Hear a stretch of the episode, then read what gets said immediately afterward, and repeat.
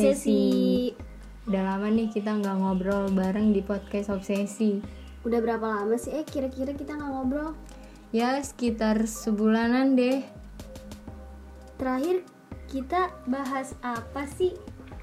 Terakhir kita bahas tentang perjuangan musik di era pandemi. Meskipun disuruh WFH, tapi nggak menghalangi semangat dan kreativitas para musisi, Cak. Kita kan kemarin ngobrolin itu cuma berdua doang nih ya. Eh, nah Ya. sekarang kita ajak ngobrol nih musisi yang benerannya buat ngobrol di podcast obsesi ini. Udah ada nih sama kita nih, siapa nih? Kenalan dong! Halo, nama gue Dava, gue basis dari band Solid Muzzle. Terus eh, kita juga di sini udah ada salah satu penggemar musik. Kenalan juga siapa? namanya? Halo, kenalin nama gue Aldi. Aldi siapa? Halo, Aldi Chandra. Di sini eh, Dap kita ngobrol dulu sama Dapa. Dapa, lu dari band Ya, apa gimana? tadi? Emang udah vakum Dap?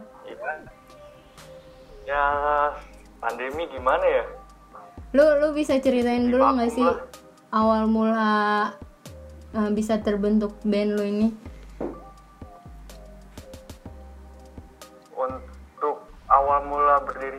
Muzzle tuh 2010 kalau nggak salah.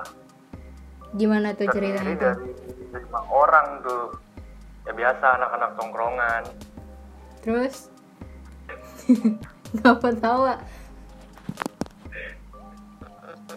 Ya dari anak-anak tongkrongan, iseng-iseng bikin band lah. Tapi itu Tadinya anak band metal, terus ganti Tadinya band metal. Popang. Iya, tapi di band metal itu gue belum masuk. Terus ganti popang. Itu kenapa diganti tuh? Mungkin ngikutin zaman kali ya. Emang dulu zamannya zaman popang. ya dari dari circle-circle gue sih ada di scene Popang. Kenapa? Popang melodi. Kenapa lu milihnya popang? Ya balik lagi kita karena circle circle-nya ada di situ. Ya ya udah lanjutin aja lah. Kita ikutin lagi musim apa pada saat itu ya. tapi itu lu berlima cuma teman main atau teman sekolah gitu? Hmm, teman main sih, teman main doang. Terus lu uh, udah udah udah bikin berapa lagu dari dari band lu ini? Dari band gue ini lebih banyak di single sih. Iya Udah berapa? ada berapa ya? 15 lagu mungkin. Itu yang paling yang paling Sekitar banyak 15 lagu. yang paling banyak didengerin tuh yang mana? Eh, untuk yang paling banyak didengar ada lagu gue flashback. Tapi biasanya itu didengarnya bisa lewat apa? Eh, karena sekarang ini ya virtual, gue ngeluarin di Spotify, SoundCloud, sama di Reverbination. Tapi sekarang masih main musik nggak? Untuk saat ini lagi nggak dulu, Kenapa tuh? karena gue lagi ada kesibukan di luar musik. Bukan karena pandemi? Bukan karena pandemi juga ya. Mungkin nanti gue akan main musik lagi. Oh sekarang vakum dulu. Vakum dulu, tapi karya tetap ada kok.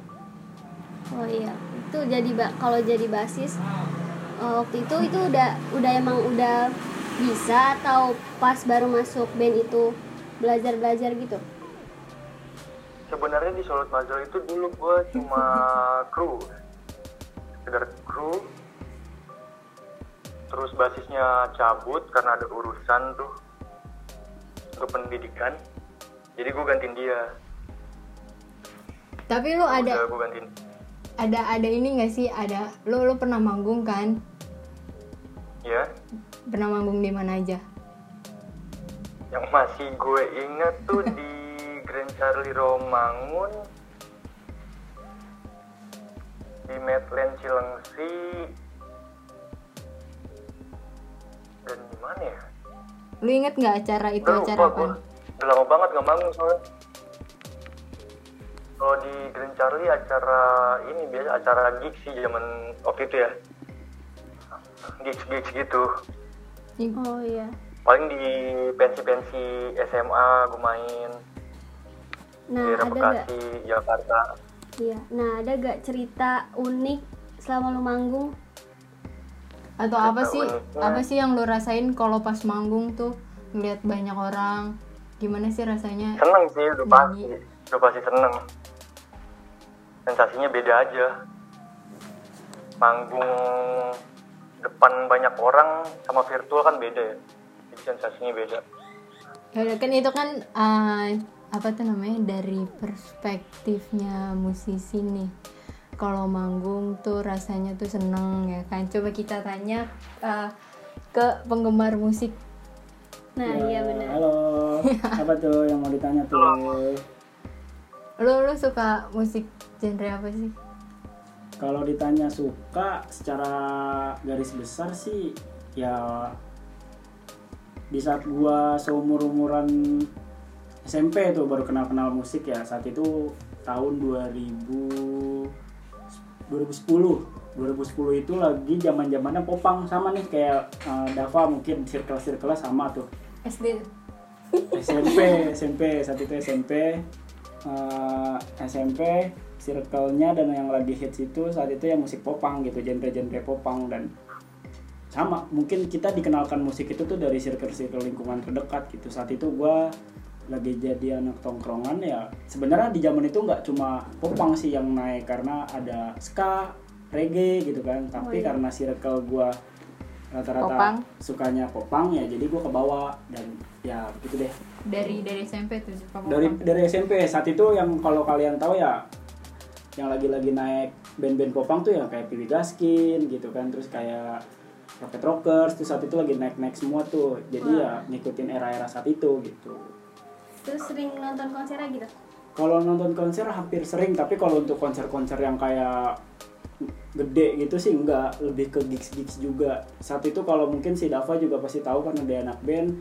itu ada sering itu setiap seminggu sekali ada di kalau hari Jumat ada di ada di Cafe Nabila di Ciracas tuh.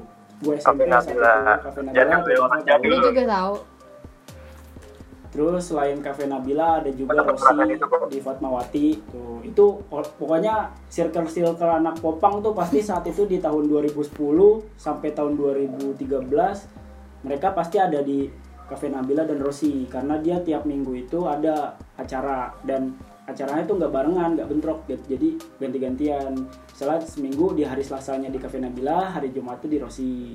Tuh. jangan-jangan lu berdua pernah ketemu di cafe Nabila lagi Mungkin, tapi kita kan nggak nggak kenal gitu kan. Belum kenal saat itu mungkin. Tapi sekarang juga belum kenal banget sih bang. Iya. Makanya kita kenalan di sini. Jadi ya mungkin kalau ditanya selera musik sih, ya itu uh, popang. Tapi un- mungkin untuk saat ini sih di umuran gue yang udah lumayan kan, lumayan tua, lumayan tua gitu. 29 Lumayan ya. Mungkin skena musik pop. Semuanya kali ya. iya. Di umur yang banyak ini sekarang gitu gitu ya. yang udah mulai banyak, mungkin di tahun 2020 ini, 2001 skena musik popang tuh udah rada menurun gitu. Jadi sekarang tuh yang naik-naik ya musik-musik western gitu kan, barat, pop, apalagi udah kemasukan Korea gitu ya udah. Jadi ya Iya. kita semua tuh anak-anak popang ya jadi penikmat aja gitu dan sekarang untuk membuat acara-acara gigs kayak gitu kan gak gampang gitu apalagi di masa pandemi kayak gini. Berarti itu yang lu rasain dari dampaknya pandemi juga ya? Musik. ya pandemi pandemi buat penik jangankan buat penikmat gitu. Eh jangankan buat musisinya atau anak bandnya buat penikmatnya aja jadi kurang seru. Yang tadi dia bilang kalau buat anak uh, bandnya kan uh, kalau lu ada tampil langsung kenapa senang karena banyak penonton gitu. Nah kalau kita sebagai penikmat musik tuh ketika kita nonton langsung datang ke acara euforia yang kita rasakan tuh pasti berbeda gitu. Walaupun sebenarnya kalau kita dengerin lagunya suaranya vokalis tuh lebih bagus di lagu di MP3 atau di mana gitu dibanding kalau kita nonton langsung gitu. Karena anak-anak popang lebih banyak kan teriak-teriak atau cuma lebih kencengan suara musiknya dibanding suara vokalisnya gitu cuma ya euforianya itu aja yang bikin kita wah, wah seru nih gitu. Berarti itu dampak yang lo rasain tadi ya? Ya. Kalau dari musisi dampaknya tuh apa? Lo yang ngerasain tuh apa? Dampaknya salah satunya nggak bisa manggung sih. Nggak bisa manggung. Terus selain Iya, nggak bisa bisa manggung lo lo kehilangan para pendengar lo nggak? Enggak karena kan ada media digital ya tapi masih banyak yang streaming tuh alhamdulillah saat ini masih banyak sih Hmm. Terus kalau sekarang kan karena nggak bisa pandemi kan nggak bisa ngadain pensi gitu yang kayak lo biasa dulu tuh lakuin tuh kan konser-konser gitu. Terus sekarang kesibukan lo apa sih? Masih bikin Untuk lagu gue ya? atau gimana? Ya buat lo dulu nih. Selama pandemi ini gue lagi mau merubah lagu flashback mungkin ya merubah konsep lagu flashback Hmm. materi-materinya diubah segalanya Terus? dan gue tag ulang lagi dan gue keluarin di itu media digital di Spotify YouTube gue lebih ngincer ke situ sih sekarang Oh berarti sekarang kesibukan lo tuh mau bikin single baru tuh? Tinggal lagi ya Tetap aktif ya. Iya masih tetap ada aktif. tiga yang belum dikeluarin Ya berarti benar yang tadi kita awal bilang ya. Sama kayak yang kemarin episode kemarin kita bahas ya Caya. Iya benar. Kalau lu sekarang apa tuh kesibukannya apa nih? Kan sebagai penggemar musik nih, lu kan Ah, pandemi ini nggak bisa nonton konser. ah. Terus lu sibuknya apa sekarang selain uh, yang lakuin sehari-hari gitu deh.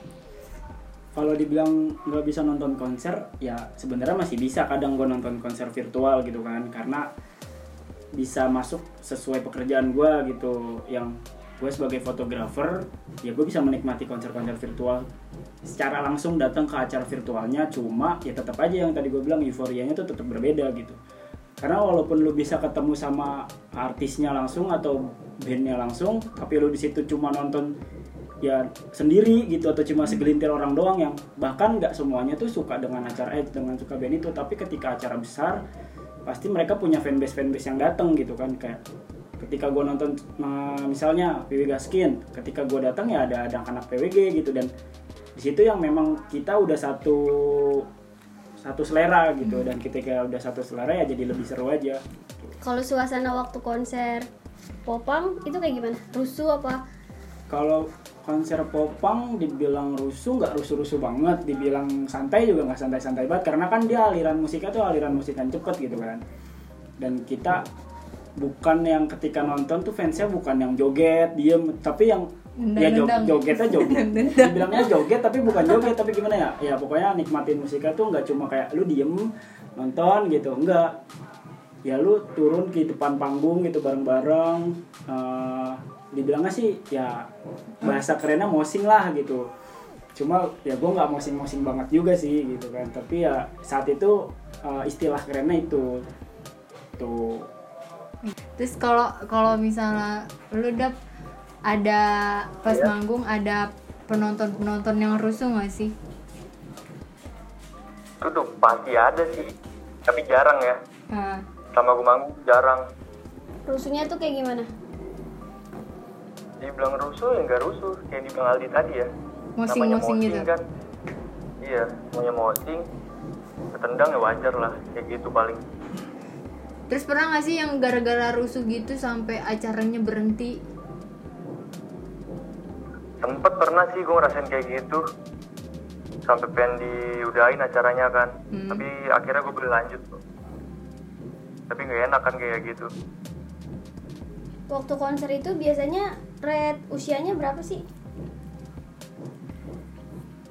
statusnya nggak nentu ya Iya, kalau kalau kalau Ica nanya red usia yang tadi gue bilang gue nikmatin musik itu aja saat itu masih SMP gitu Iya. kan datang datang ke Oh, berarti konser-konser masih SMP. SMP gitu tergantung sampai orang tua pun banyak kayaknya iya sampai orang tua Orang masih ada ya nonton. Ada. Mosing gitu. iya bahkan orang tua pun masih banyak yang Ya, masih ada. gitu tuh Gitu ya udah sekarang eh, Mungkin harapan harapan dari Dava gimana nih? Buat musik harapan dari gue sebagai musisi ya hmm, ya pengennya sih cepet ini aja Cepet kelar. hilang tuh biar gue bisa manggung lagi Tapi lu pengen banget ya manggung lagi ya? pengen banget udah lama udah dua tahun kita dua tahun tiga tahun udah nggak manggung Terus kalau lu apa harapannya? Gue sebagai penikmat. Iya. mau jawabannya yang politis apa yang biasa? Kan Ya. politis aja.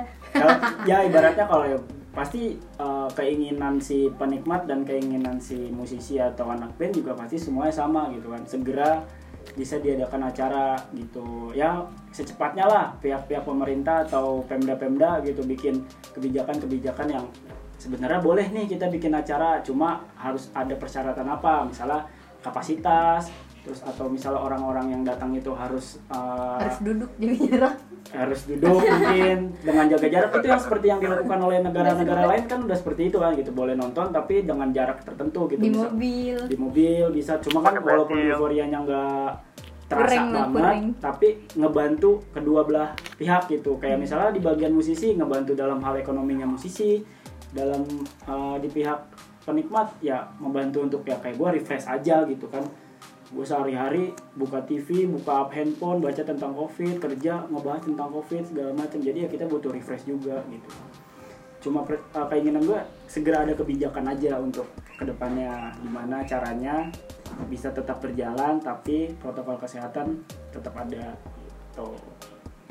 Berarti ini harapannya dua-duanya em, sama lah ya Iya, hampir sama lah ya. Yang satu kan pengen pandemi cepet kelar, yang satu meskipun gak kelar-kelar tapi harus ada kebijakan yang lain ya kan. ya Iya. kalau dibilang gak kelar-kelar buat gue ya pandemi nggak bakal kelar gitu kan karena Iya, kita udah ya udah menyatu dengan itu gitu. Layaknya ya pandemi udah kayak penyakit penyakit biasa aja cuma harus ada kebijakan kayak mungkin Ada- kan saat itu pernah ada uh, penyakit juga tuh kayak banyak polio segala macam akhirnya kan bisa bisa aman kan sampai saat ini. Nah gimana percepatan pemerintah untuk menyelesaikan itu? Kita juga tinggal adaptasi aja ya. Nah ya Berarti lebih dibutuhkan terhadap kebijakan-kebijakan untuk adanya konser lagi.